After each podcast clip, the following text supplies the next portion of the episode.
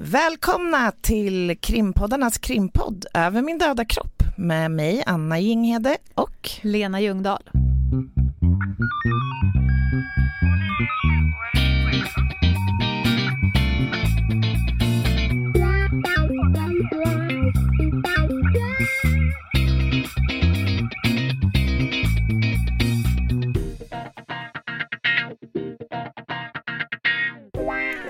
Lena ska vi ta oss an ett ämne som känns ganska tungt men viktigt. Ja, jag är eh, lite nervös.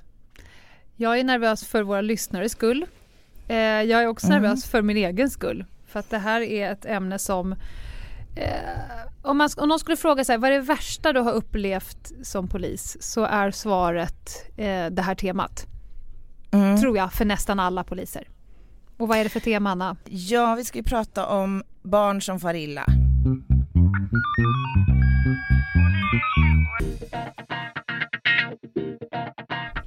Man har ju varit med om som polis att barn far illa av olika anledningar. Det är ju jobbigt att se ett barn som har varit med om trafikolycka. Det är ju jobbigare än en vuxen. Absolut. Det är jobbigt när barn har varit liksom eh, ja, men att de har dött av, av olyckshändelse eller att det är suicid. Allt sånt är jobbigt. Men det är ju ännu jobbigare när man vet att det är vuxna människor som utsätter barn mm. för det här. Det, det är liksom det värsta av det värsta. Ja. Ja, men det är det ju. Att man tycker alla de här eh, olika situationerna är så jobbiga, det är ju för att barn är så sårbara. Och jag tror att om man, särskilt om man själv har barn eller har jobbat med barn, så, då har man ju också iakttagit den här sårbarheten som omger barn, liksom per mm. definition.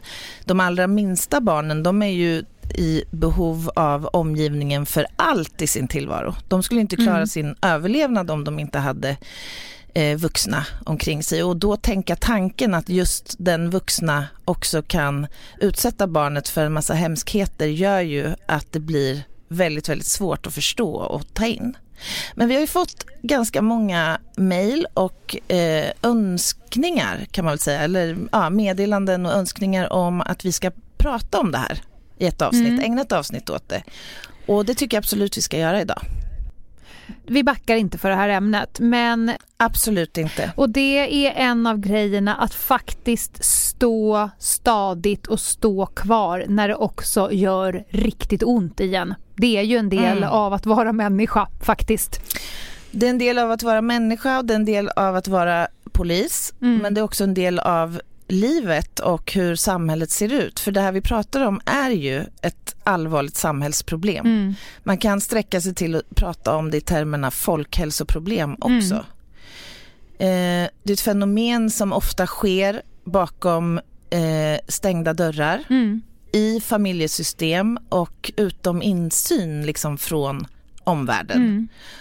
Och då tillåts ju det här att fortgå år ut och år in om man då också betänker att vuxenvärlden utanför faktiskt är ganska dålig på att hjälpa och fånga upp de här barnen så blir ju de här barnen dubbelt utsatta. Ja, det är fruktansvärt. Ja, det är fruktansvärt. Så jag tänker att lite syftet med det här avsnittet det är ju också att faktiskt dels öka kunskapen om det men också så få igång en eh, tanke hos våra lyssnare om barn i deras omgivning som de mm. kanske, eller så här, iakttagelser som man kanske har gjort och där känslan har varit att här kanske jag som vuxen behöver faktiskt göra en insats. Ja, och det, det är ju alla roller. Jag tänker barn som far illa hemma då, i sin hemmiljö, de är ju inte där mm. hela tiden. De träffar ju eh, vuxna människor på väg till eh, barnomsorg, kanske förskola, skola. De, de träffar barn på eller vuxna på dagarna. Eh, kanske mm. så, idrottstränare, eh, mm. släkt, vänner. Jag menar, det, det, finns ju x antal eh, vuxna människor som träffar de här barnen som blir utsatta mm. i sitt hem. Eh, ja. och, och då blir det ju en extremt stor att man blir sviken, den sekundära viktimiseringen. Alltså man blir sviken mm. en gång mm. till.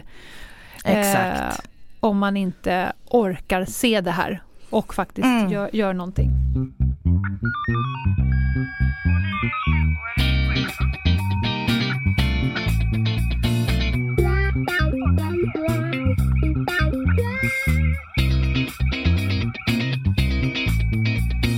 Vad är, din, vad är, din, eh, take på det här då? Alltså, hur kommer du in i det här?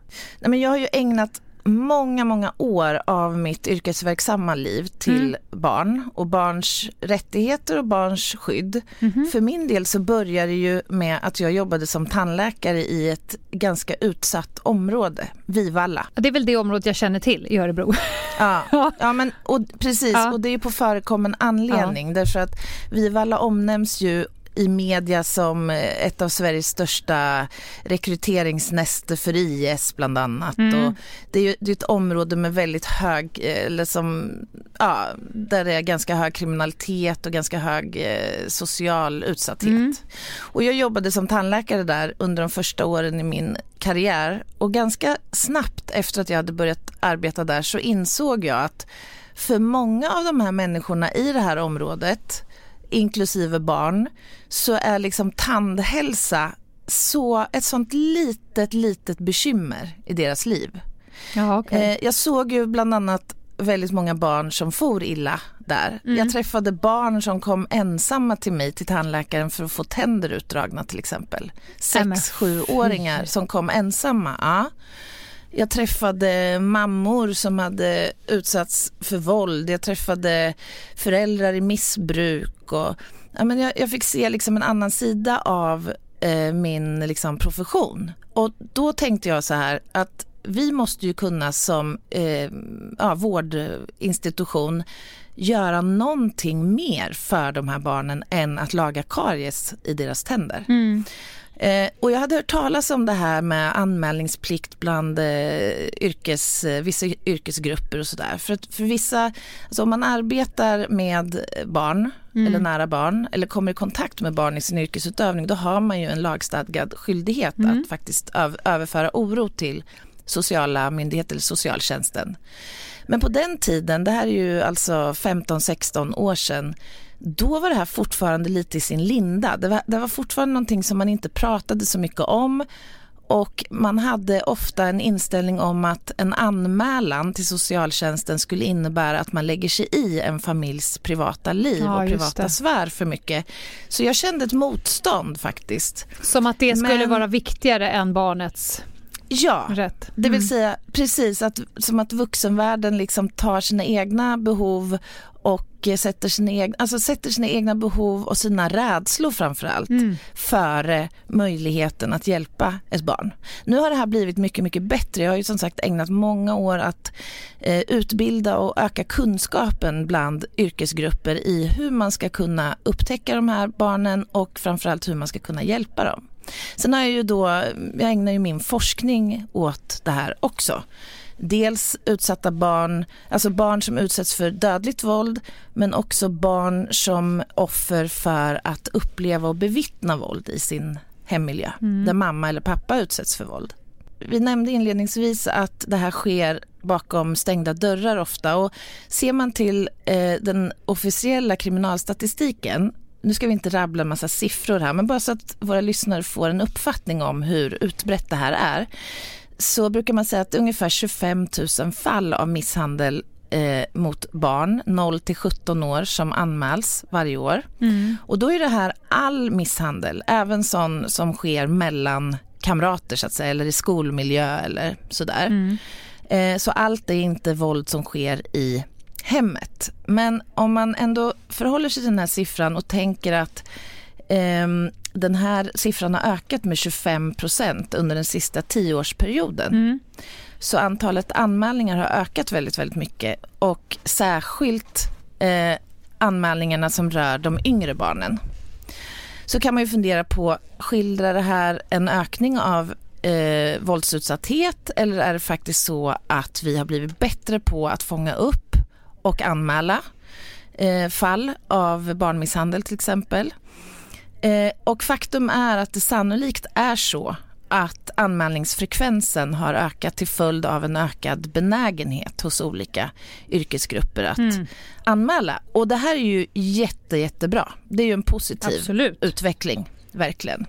Men osäker kan man inte vara, för att om man samtidigt frågar eh, barn och ungdomar om deras utsatthet för våld så är det väldigt många som uppger att de faktiskt någon gång har utsatts. Om man tittar på fysiskt våld eh, och en grupp eh, skolungdomar i nionde klass och i gymnasiet, om de under sin uppväxt har utsatts för våld någon gång så svarar nästan 15 procent att de har utsatts för fysiskt våld oh. av en vuxen person. Och 5 procent uppger att de har utsatts många gånger. Och det är ungefär lika många som uppger att de har utsatts för psykiskt våld av en vuxen. Eh, och eh, nästan lika många som uppger att de faktiskt har upplevt våld mellan vuxna i familjen som också är att betrakta som en form av våldsutsatthet helt enkelt. Ja. Och sen kan man se när man, när man frågar då ungdomar om deras utsatthet för våld så stämmer inte de siffrorna med de siffror som framkommer när man frågar om vuxna, om, när man frågar vuxna om deras eh, inställning till att utsätta barn för våld i uppfostringssyfte eller av annat skäl.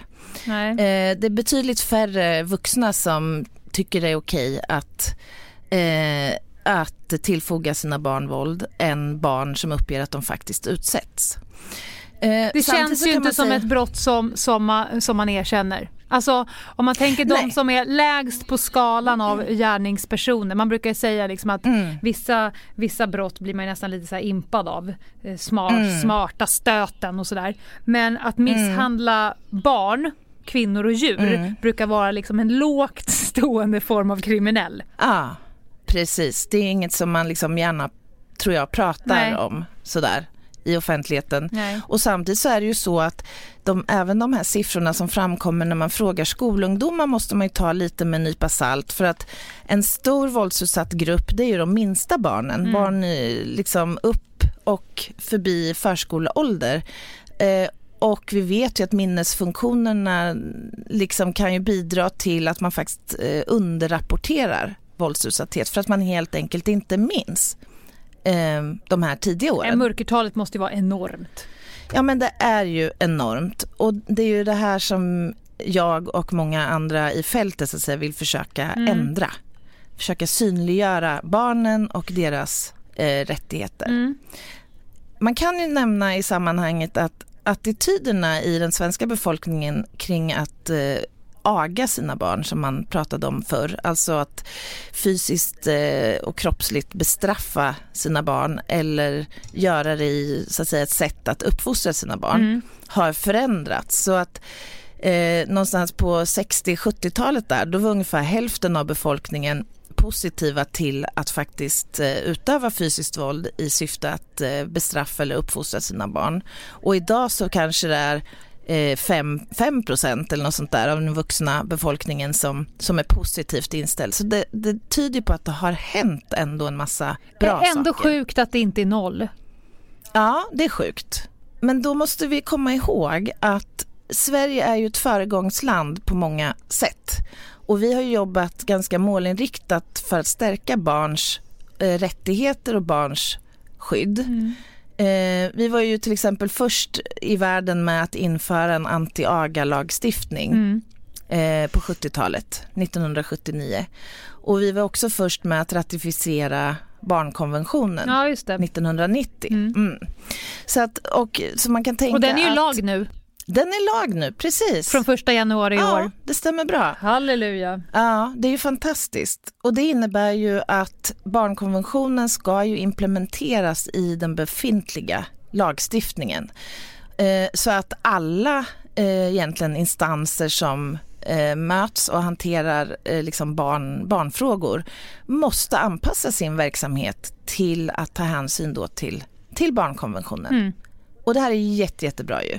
Samtidigt som skyddet för barn har ökat så kan man säga att eh, barn lever i större utsträckning fria från att utsättas från våld, för våld. Men fortfarande så är det väldigt många som, som gör det.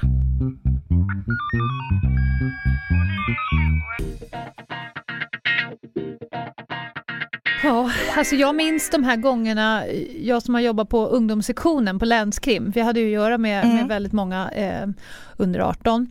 Eh, mm. Och då när man tog dem för brott och sen så var det ju liksom i SOS och, så för, och föräldrar kanske var på plats, oftast inte. Mm. Eh, mm. och sådär. Att köra hem ett barn, en ungdom till Mm. dennes föräldrar och man känner i vibben från barnet alltså så här, typ, Mm. typ lämna mig inte nu.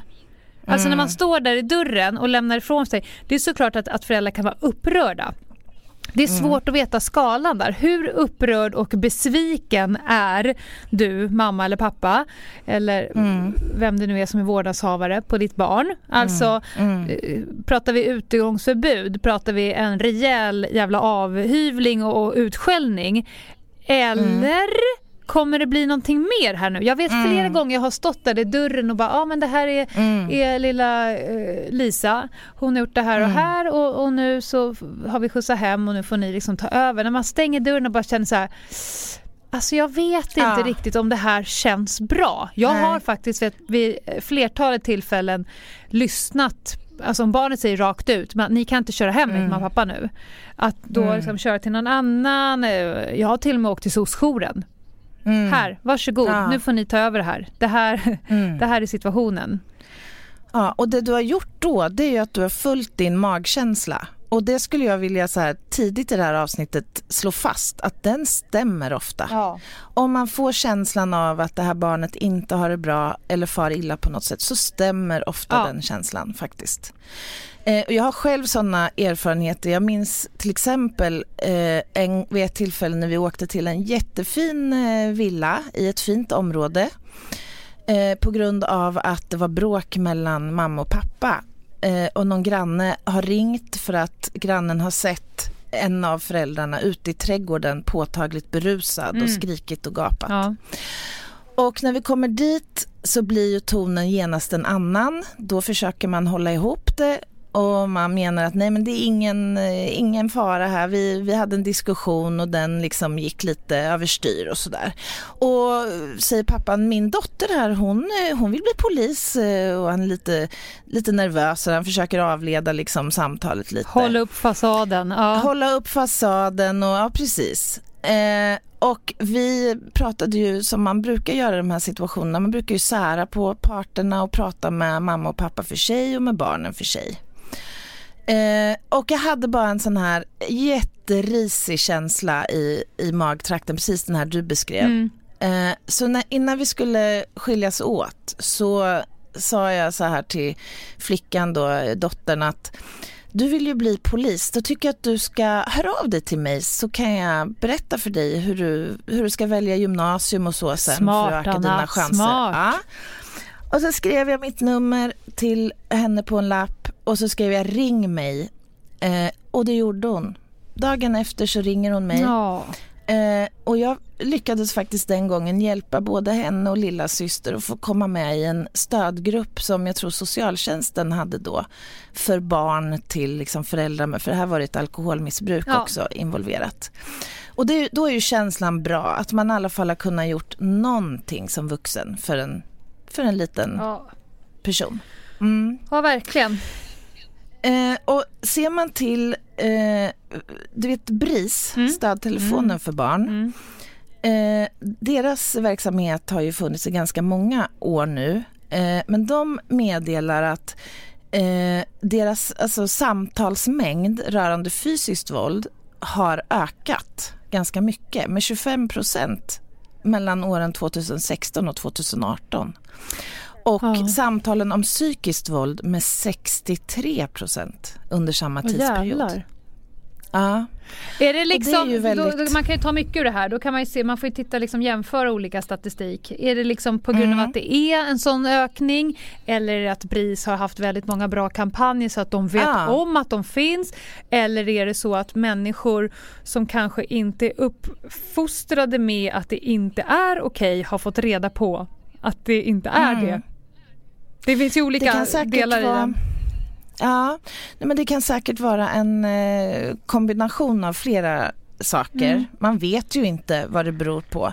Man kan ju hoppas att det beror på att, att tillgängligheten är större för de här barnen. Ja. Att det är liksom lättare för dem att sätta sig i kontakt med en annan vuxen när de har det jobbigt och tufft hemma. Mm. Jag hoppas ju innerligt att det är så, men vi kan ju inte utesluta att det är så att faktiskt fler också Nej. utsätts.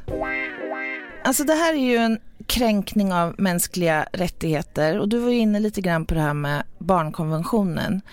Eh, det är ju liksom alla världens barns lag. Mm. Den ska gälla för alla barn i hela världen. Mm. Och det här ställer ju till det lite grann därför att det är ju inte alla länder som har samma inställning till det här med eh, att tillfoga barn våld i uppfostringssyfte till Nej. exempel. Det är faktiskt bara 55 länder i hela världen som har ett uttryckligt förbud mot aga. Och det är ju väldigt bekymmersamt och särskilt i tider som vi i Sverige nu har haft en stor flyktingström till exempel och där människor kommer från många länder där det faktiskt är fullt liksom, socialt och legalt accepterat ja. att slå sina barn. Ja. Vi pratar ju, mycket, är, vi pratar ja. ju väldigt mycket nu om, om just uh, misshandel men det kan ju faktiskt vara, mm. vi har ju sett i liksom våra poliskarriärer andra former av, det kan vara ren vanvård, man brukar säga försummelse Exakt. av liksom omsorgen, det kan vara sexuellt våld, det kan vara psykiskt våld, det är inte bara slag som gör ont. Nej, och kanske är det faktiskt så att de här slagen är det som gör minst ont av det här som du mm. nämner. Alltså det psykiska våldet, att isoleras eller bli kränkt eller mm. förminskad eller förlöjligad. Eller för den delen uppleva eh, våld mellan eh, mamma och pappa ja. till exempel är ju en våldsform som ger betydligt svårare skador egentligen. Det är ju ärr i själen ja. liksom, som, som aldrig som aldrig läker. Ska vi göra en liten uh, shoutout? Jag vet att Nina och Peter Rung har startat en egen podd de kommer mm. säkert prata om eh, det här väldigt mycket för er som vill höra på det här mer. Eh, mer, ja, ja men precis. Mm. Eh, och det man kan säga då om de här olika våldsformerna, fysiskt, psykiskt, sexuellt, ekonomiskt, eh, försummelsevåld och så vidare, det är att väldigt många barn som utsätts för våld utsätts för flera typer av våld. Ja. I en undersökning så uppgav 17 procent av de här tillfrågade ungdomarna eh, att de har utsatts för minst två typer av, av våld. Och vad får det här för konsekvenser då? Ja, det är ju att eh, det riskerar ju orsaka betydligt svårare konsekvenser på hälsan och på välbefinnandet och på alla nivåer egentligen kring barnets eh, utveckling. Eh, och det är därför det är så viktigt att kunna få stopp på den här utvecklingen så tidigt som bara möjligt. Mm. Och när det gäller det här med förståelsen för de här konsekvenserna och effekterna av våld så kan man ju bara kort nämna att barnmisshandel och kunskapen om det är egentligen inte jätte, jättegammal. Eh, man brukar prata om en eh, röntgenläkare som heter Henry Kempe, som, eller Kempe, som är den här upp, vad ska man säga, upptäckaren av barnmisshandel. Och då pratar vi fysisk barnmisshandel mm. egentligen. Han upptäckte på en, ett antal små barn och spädbarn eh, frakturer tillsammans med eh, hjärnblödningar mm. som man inte liksom kunde förklara på något naturligt sätt. Eh, och han förstod då att de här skadorna kan inte tillsammans uppkomma genom olycksfall Nej. så som ofta beskrevs utan det måste finnas liksom någon annan förklaring mm. till det här. Uh, och det var då som uh, först begreppet the battered child myntades och det här var ju någonstans i slutet på 60-talet. Uh, eh, och i ungefär samma tidsperiod, kanske några år senare, så börjar man i Sverige prata om det här fenomenet då, barnmisshandel och vad det, hur utbrett det är och vad det egentligen innebär. Mm. Så det är egentligen sedan dess som liksom vi har kunnat jobba mer eller mindre aktivt med frågan och successivt också ökat vår kunskap om det här. Du håller ju på att öka på kunskap ännu mer. Kan inte du berätta lite om din forskning? Ja, absolut. Jag tittar ju i min forskning, den här som, delen som rör barn, så tittar jag på det dödliga våldet mot barn. Mm. Eh, för det är ett område som vi vet väldigt, väldigt lite om egentligen. Alltså barn har ju dödats och utsatts för ett dödligt våld eh, med uppsåt i alla tider egentligen. Mm. Alltså läser man i förhistoriska dokument och texter så kan man läsa om att barn har eh, ja, dödats helt enkelt till följd av att man vill minska familjestorlekar till exempel eller ta bort en, en eh, egenskap hos barnet som inte är önskvärd, till exempel ett handikapp. Man såg att barnet inte kan bidra till familjeförsörjning. Eller att man fick delar... fel kön. Eller fel kön, jag skulle precis mm. säga det. I vissa delar av världen så kan det ju tyvärr vara så fortfarande att finnas kvar en inställning om att flickebarn till exempel skulle vara mindre, eh, vad ska man säga, välkomna än, än pojkbarn. Mm. Så att flickor lever, eller flick, nyfödda flickbebisar lever liksom betydligt farligare. Eh, och man pratar inte så ofta om det dödliga våldet som ett, eh, någonting som, som har ett mörkertal för vi vet att generellt så, så har det dödliga våldet en väldigt hög uppklaringsprocent eftersom ofta så finns ju förövaren i den omedelbara närmiljön ja. och dessutom så liksom, ja men du vet man, man lägger ju väldigt mycket krut på de utredningarna.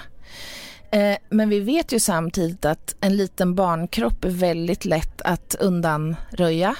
Mm. Vi vet att eh, ett litet, litet barn tål mycket, mycket mindre våld än liksom vad en vuxen mm. gör. Så det krävs också då mycket, mycket mindre våld för att döda ett barn kontra att eh, ja, mörda en vuxen.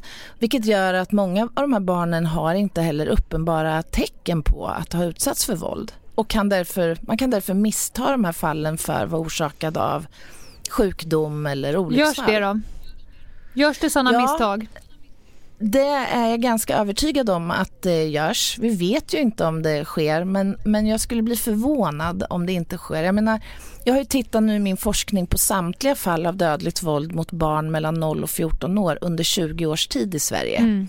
Och du har alltså suttit och här... gått igenom fallen? Ja, samtliga fall. Och jag tittar Men alltså ju på... Anna, hur orkar du?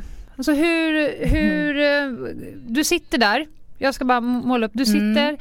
du har mm. akterna framför dig, du sitter och går igenom, ja. du går igenom förundersökningsprotokollet. Har du tillgång? Jag går igenom allt. Obduceringen? Jag går igenom obduktionsprotokoll och brottsplatsprotokoll och förhör och samtal till SOS och läkarjournaler. Och, och då allt. är din känsla att det här som då är avdömt som någon form av naturlig orsak inte kanske var det? Nu tittar jag bara på de som har avdömt som mord okay. eller dråp mm. Mm. eller grov misshandel och vållande till annans död. Mm. Så de är ju liksom redan ja. selekterade. Men jag, jag försöker tack vare de här fallen att förstå vad det är som kan bidra till att vi missar andra. Eh, och till exempel så, så är ju den stora gruppen i mitt material det är ju spädbarn. Det är ju nyfödda och nyfödda barn mm. som ofta är oönskade helt enkelt. Mm. Så att inte sällan så har man burit det här barnet och fått fram det och sen direkt tagit bort barnet om man får uttrycka sig så. Eh, och det, då förstår man ju av det att eftersom vissa av de här barnen anträffas långt senare, mm. att det kan ju finnas barn som vi aldrig kommer att hitta också. Och vissa av de här fallen har också varit sådana här att de har kommit in till sjukvården och man först har eh, trott att det har varit fråga om till exempel plötslig spädbarnsdöd eller eh, olycksfall mm. hos större barn. Och så har det visat sig sen att det faktiskt inte är så. Vad, vad hoppas mm. du att det ska leda fram till? Jag hoppas ju flera saker. Dels så hoppas jag att vi ska få en ökad förståelse för fallen. Mm. För eh, att, det, att det existerar och att det förekommer. Dels önskar jag att vi ska utveckla en särskild utredningsmetodik när ett barn plötsligt och oväntat dör. Vi ska inte handlägga de fallen som när en vuxen plötsligt och oväntat dör eller där det är uppenbart att mm. personen har mördats eftersom barn och vuxna skiljer sig så mycket. Det är helt andra motiv till exempel. Eh, jag menar när det, gäller, när det gäller barn så ser vi att ett vanligt motiv till exempel är att man vill hämnas den andra föräldern. Så en förälder dödar barnet för att egentligen hämnas den andra föräldern. Eh, alltså man tappar ja. ju, när du pratar, jag, jag, kan ju bara föreställa mig liksom det som eh, är på papper under din näsa när du sitter och läser det här. sjukt bestialiska mm. grejer.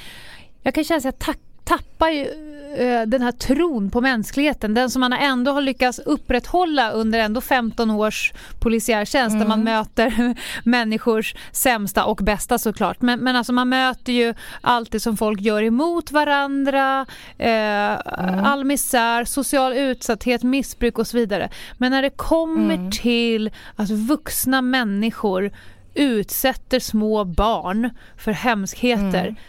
då blir mm. det ändå så här, vad är vi Homo mm. sapiens för jävla skitsläkte? Mm. Mm. Känner du aldrig så ja. när du sitter där? Eller, jo, eller blir, du, blir du klinisk i dina ögon? Nej, men alltså jag försöker ju vara klinisk i någon mening och det är ju för att skydda mig själv såklart. Ja. Alltså det skulle bli alldeles, alldeles för jobbigt att ta in varje liten flicka eller pojkes liksom öde. Det går inte. Men däremot så är det klart att jag kan känna ibland att för i helvete liksom. Jag blir bara så less mm. på, på, ja som du säger, mänskligheten.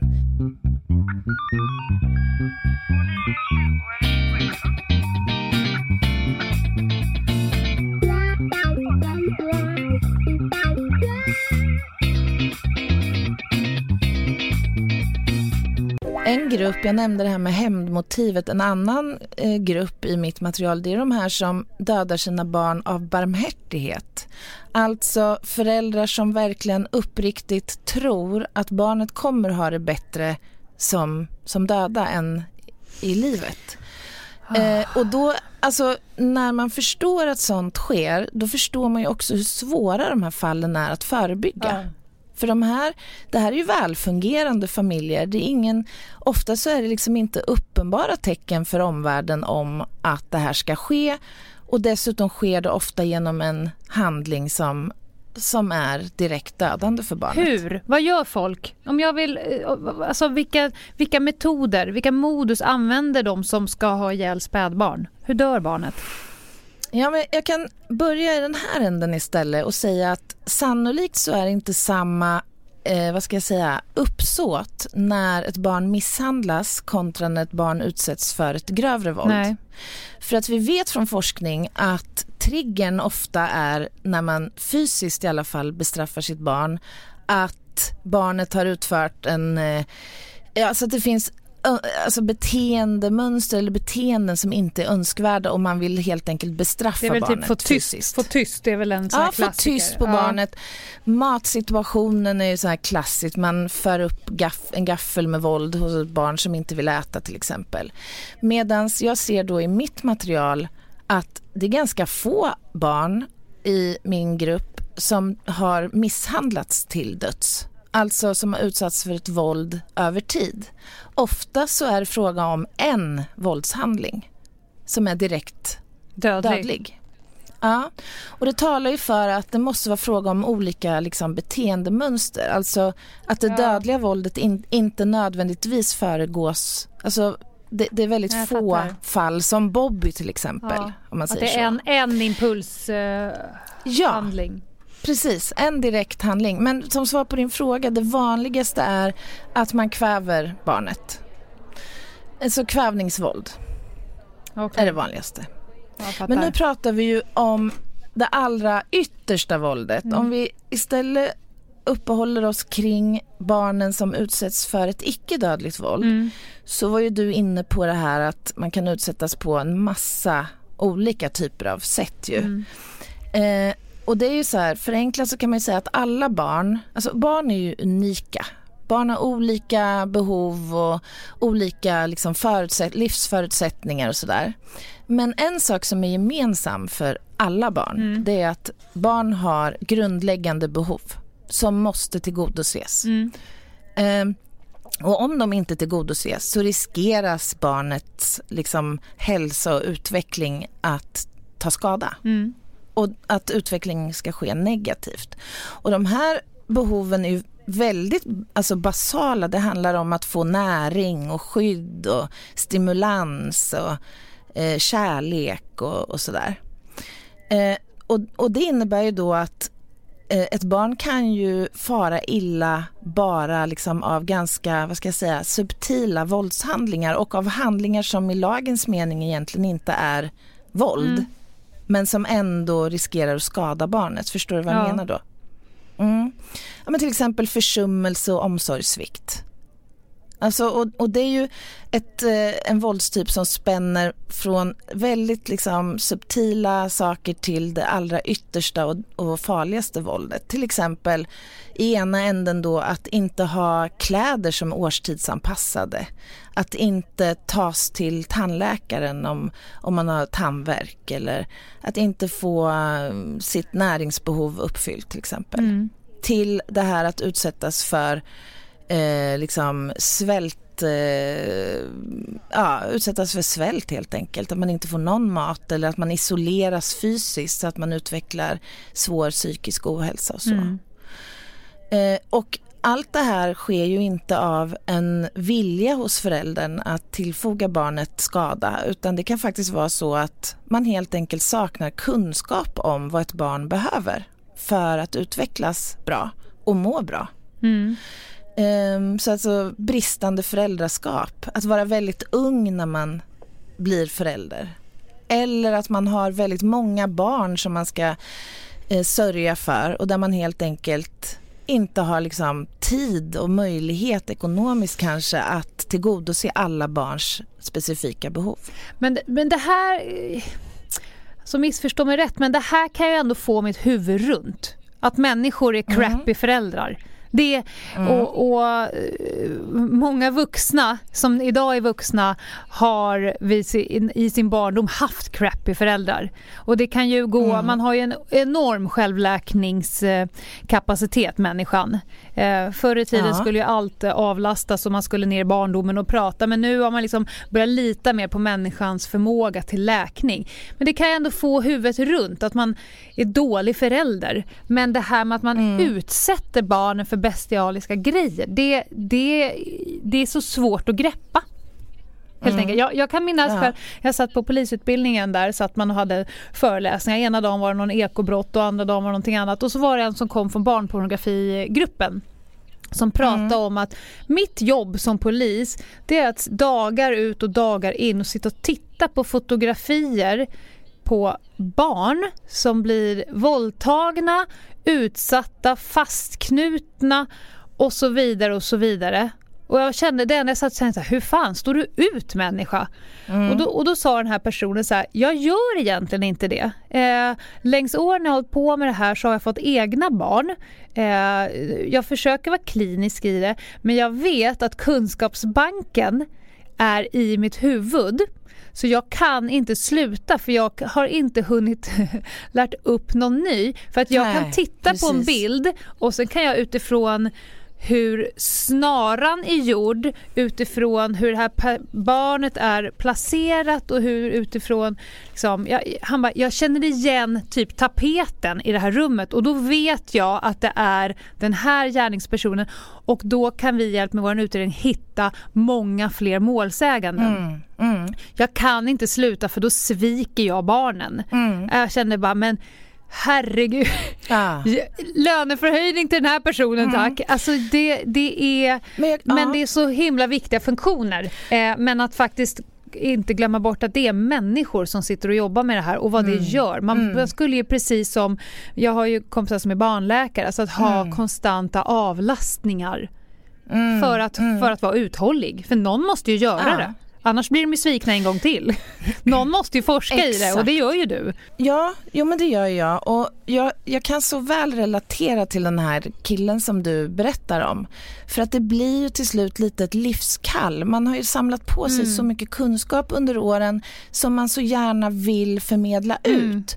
Jag känner ju nu till exempel eh, så gör man ju en stor satsning polisiärt eh, rörande eh, våld i nära relationer. Ja. Äntligen! Äntligen mm. ja. Ja men det känns ju helt fantastiskt. Det är jättebra mm. och regeringen har avsatt ett antal miljoner mm. för det här arbetet.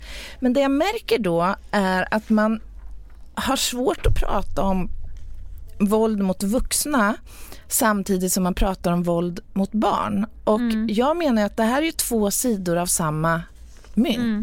Väldigt många kvinnor som utsätts för våld har barn som per definition är utsatta mm. bara genom att liksom finnas i den här miljön. Sen är det så att de, de löper stor risk, kanske så stor som 60 procents ökad risk eller risk för att utsättas fysiskt också genom att de försöker skydda mamma mm. som utsätts för våldet och gå emellan. Och det kan också vara så att barnet utsätts instrumentellt i våldsutövningen som ett sätt att, alltså det blir en kvarhållningsfaktor till exempel. Att om du lämnar mig nu då skadar jag barnet mm. eller man skadar barnet mm. så att eh, den andra parten stannar kvar. Det är kvar. samma sak med djur. Ja. Att man utsätter familjemedlemmar, de, de oskyddade och sårbara familjemedlemmarna mm. utsätter man som en påtryckning för att få sin egen vilja igenom.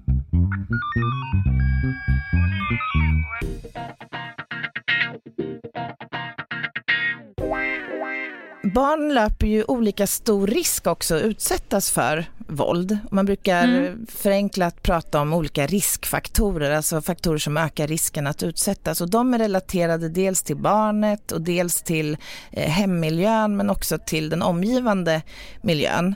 Och de faktorerna är ganska väl kartlagda. Man vet att missbruk och svag eh, ekonomi i familjen är riskfaktorer till exempel. Eller för övrigt mm. våld mellan de vuxna i familjen är en väldigt stark mm, riskfaktor. Ja, men, men det innebär ju inte att man nödvändigtvis eh, utsätts och tar skada. Det beror ju samtidigt på hur många skyddande faktorer som barnet omges av och hur många såna här copingstrategier som som barnet har att försöka undkomma då eh, våld. Det kan ju finnas andra vuxna som spelar en enormt stor roll Absolut. i det här, någon form av ter terrorbalans och damage control. Ja, och det skulle jag vilja skicka ut som en sån här jätteviktig grej att Alltså mm. det, det, är som du säger, vilken klok vuxen som helst kan göra en enormt stor skillnad för ett barn. Så mm. har ni någon i er bekantskapskrets som ni känner oro för eller som ni tror behöver vuxenstöd så mm. följ den magkänslan och sträck ja, ut en hand för att det kan, mm. ska man hårdra det så kan det ju faktiskt rädda liv. Eh, ja. Jag sa aldrig hur många det är som utsätts för det här mest allvarliga våldet. Det är, det är tre barn, tre till fyra barn varje år som, som utsätts för dödligt våld. Eh, och den stora massan alltså utsätts ju då för våld som ger andra konsekvenser. Eh, mm. och, och det är ju inte så svårt att förstå att i och med att våld kan utövas och tillfogas på så himla många olika sätt så är det ganska lätt att förstå också att konsekvenserna kan variera. Det är ju ganska givet att ett fysiskt våld kan ge upphov till skador och de kan ju vara liksom spänna ifrån allt ifrån ett blåmärke till liksom hjärnskador och död i värsta fall. Mm. Um, och den vanligaste, om vi pratar fysiskt våld så, så är det ju jättevanligt med mun och ansiktsskador. Uh, uppemot mm. kanske 60-70 procent av barn som utsätts för fysiskt och det mer lindriga misshandelsvåldet får skador där. Ehm, mm. Så att det är en sån här väldigt utsatt. Men, men man kan utsättas på egentligen vilken del på kroppen som helst ska sägas. Sen har vi då konsekvenser av psykisk karaktär och det kan ju vara allt ifrån alltså beteendemässiga eh, förändringar hos barnet. Ett mm. trotsigt eller utagerande beteendemönster till exempel till eh, självskadebeteenden och ångest och depressionsproblematik och sådär. Eh, så att alltså, he, man kan säga så här förenklat, hela kroppen med allt vad det innebär kan ta skada. Eh, utvecklingen hos barnet tar skada. Eh, möjligheten att som vuxen få ett bra och fint liv eh, minskar. Eh, det finns relation, relation antar jag. Alltså precis, det här att mm. Eh, etablera relationer till andra. Alltså vi vet ju att många av förövarna som utsätter vuxna för våld har själva utsatts för våld som barn. Och det kan ju mm. verka paradoxalt. Liksom. Att om man nu själv har utsatts, varför ska man då utsätta andra? Men faktum är att alla beteenden är ju liksom inlärda. Så även ett våldsbeteende och man lär sig mm. när man lever i de här familjerna att våld är en konf konfliktlösningsmetod och man kan leva i en familj i liksom många, många år där och våld förekommer och det blir en liksom naturlig del av tillvaron på något sjukt vis. Så jag tänker på, jag har ju senaste åren utbildat väldigt mycket skolpersonal. Mm. Eh, och, och, de, och de slåss ju med den här kunskapen för de, är ju, de blir ju involverade ja. i, i familjebilden hos, hos olika, mm. alltså, hos alla. Mm.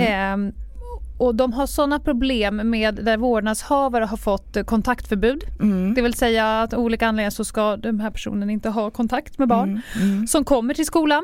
Mm. Mitt under lektionstid eller när, vid avslutning av dagen och ska komma och hämta och då ska skolpersonal hantera detta. Du ska inte ha och det så, SOS ska med in i bilden. Det kan till och med bli egenmäktighet med barn, alltså att man, mm. att man tar barnet ifrån dens vårdnadshavare. Mm. Eh, alltså Ja, mm. ja ut, ut, utan ja, obehörigen. Ja, utan lov. Tar, men, liksom. ja, utan lov tar mm. barnet mm. från, från, ja exakt. Mm. Äh, det, det är så komplext mm. och barnet är så himla utlämnat till att någon vuxen står stadigt, inte duckar och tar mm. tag i det här. En aspekt i det här till är ju att barn har inte, även om skyddet eh, rättsligt har ökat successivt för barn, så finns det ju fortfarande flera luckor i lagen. Alltså barn anses inte vara målsägare till exempel när vuxna eh, utövar våld mot varandra. Man, barn har rätt till en ersättning mm. men man är inte liksom part Nej, i ett mål. Så. Eh, och dessutom så är ju väldigt många våldshandlingar eller många handlingar som, som, som eh, barn utsätts för inom ramen för ett våldsbeteende är inte heller straffbara. Vilket gör att de har ju inte Alltså barnmisshandel är inte ens en egen paragraf i brottsbalken Nej. utan de här fallen hanteras ju under eh, misshandelslagrummet. Mm. Mm.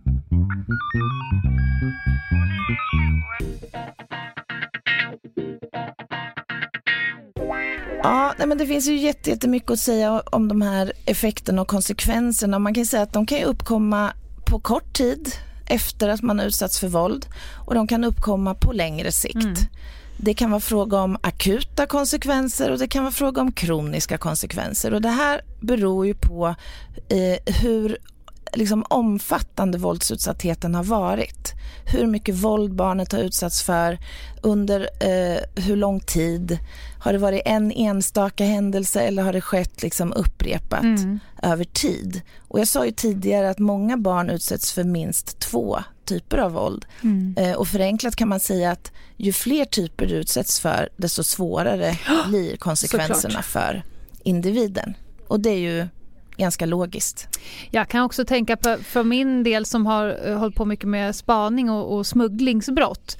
Det är inte bara en mm. gång man har tagit en kurir med, som har med sig små barn där man egentligen Nej. i polisarresten inser att vi kommer behöva plocka ifrån dig ditt barn nu. Så att det blir en ah. väldig cirkus där på natten med med SOS-jouren och såna här föräldrar, alltså folk som helt enkelt får ta, det kan ju vara ettåring som helt plötsligt mm. slits från mamma och sen ja. så satt i familje, alltså jourhem.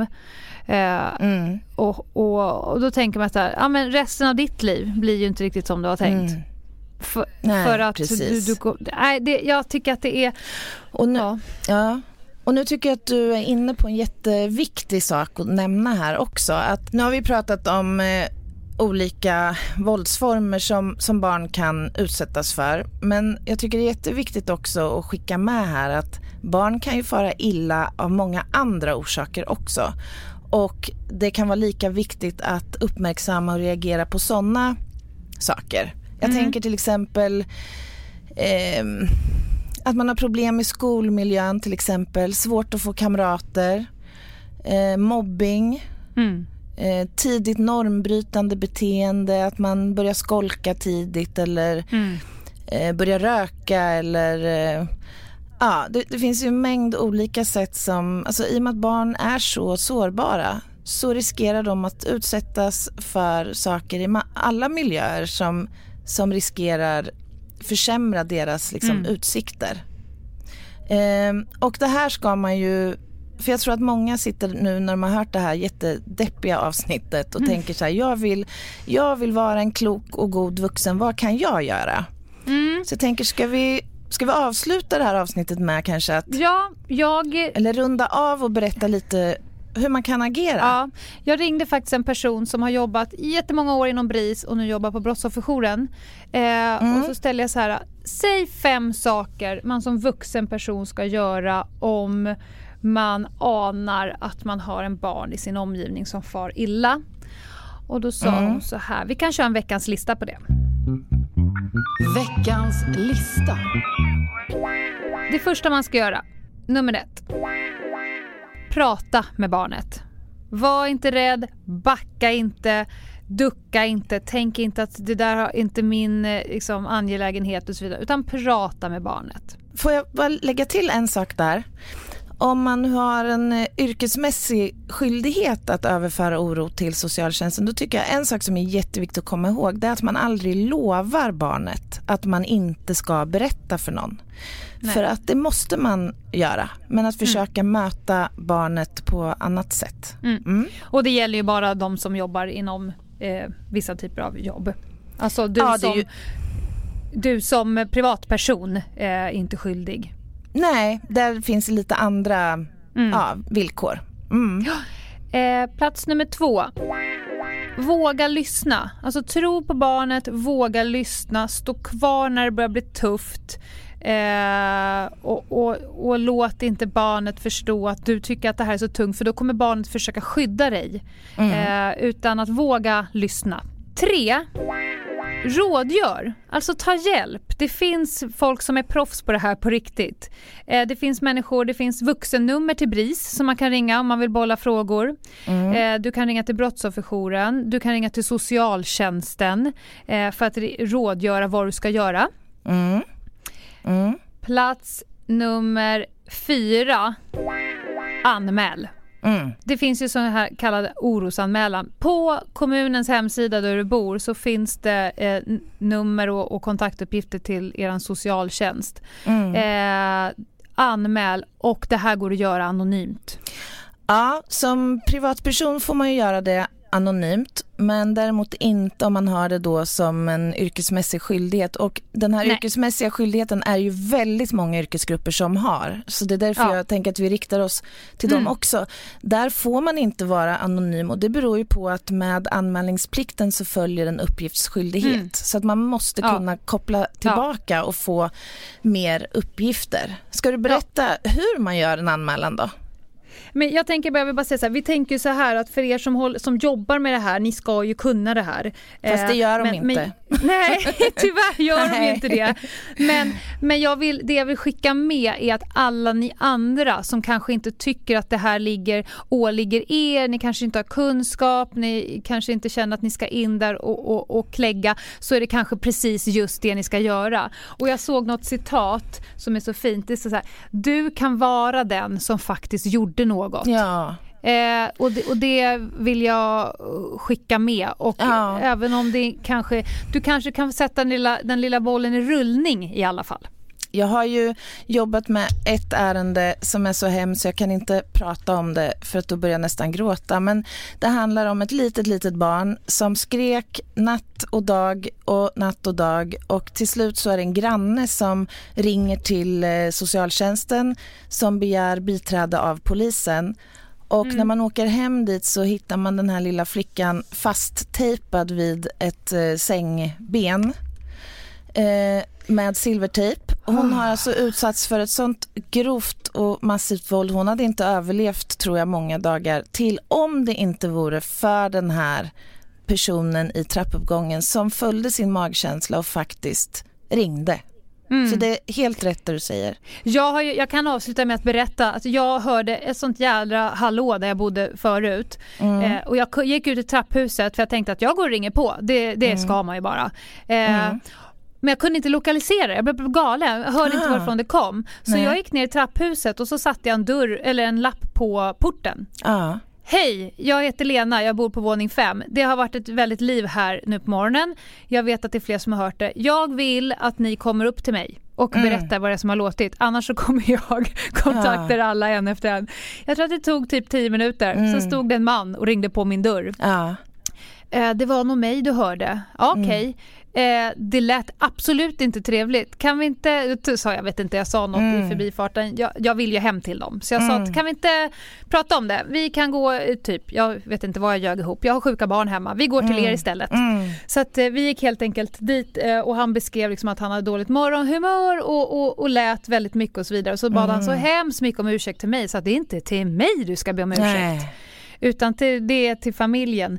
Eh, så vi satt och pratade ett tag. Men, ah. men alltså att göra någonting. Det, ah. det, eh, an, den som inte eh, gör det är en liten, liten skit eller vad är det ja, Lindgren brukar precis. säga? Ja, exakt. En liten lort. Ja, men vi kan tillägga att när du säger anmäla så menar du anmäla till socialtjänsten. Men givetvis så ska man ju anmäla till polis ja. om det är så att, liksom, att barnet utsätts för ja. en våldshandling till exempel. Då är det givetvis också polisen man ska kontakta. Mm. Sen, sen, har socialtjänsten, de, de kommer utvärdera det också och göra en polisanmälan men det spelar ingen roll tycker jag. Är man osäker så ringer man och rådgör och anmäler.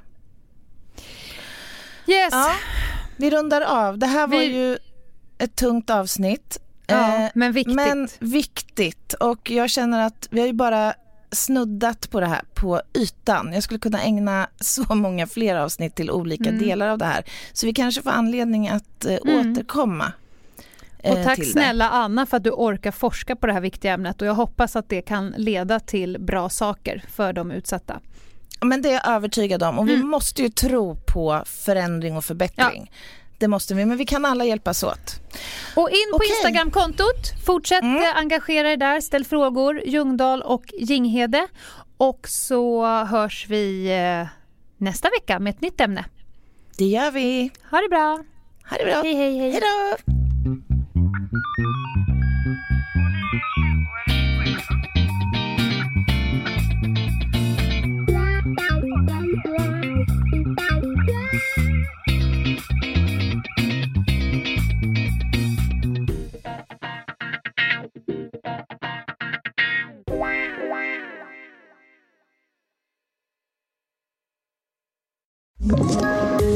Poddtips från Podplay.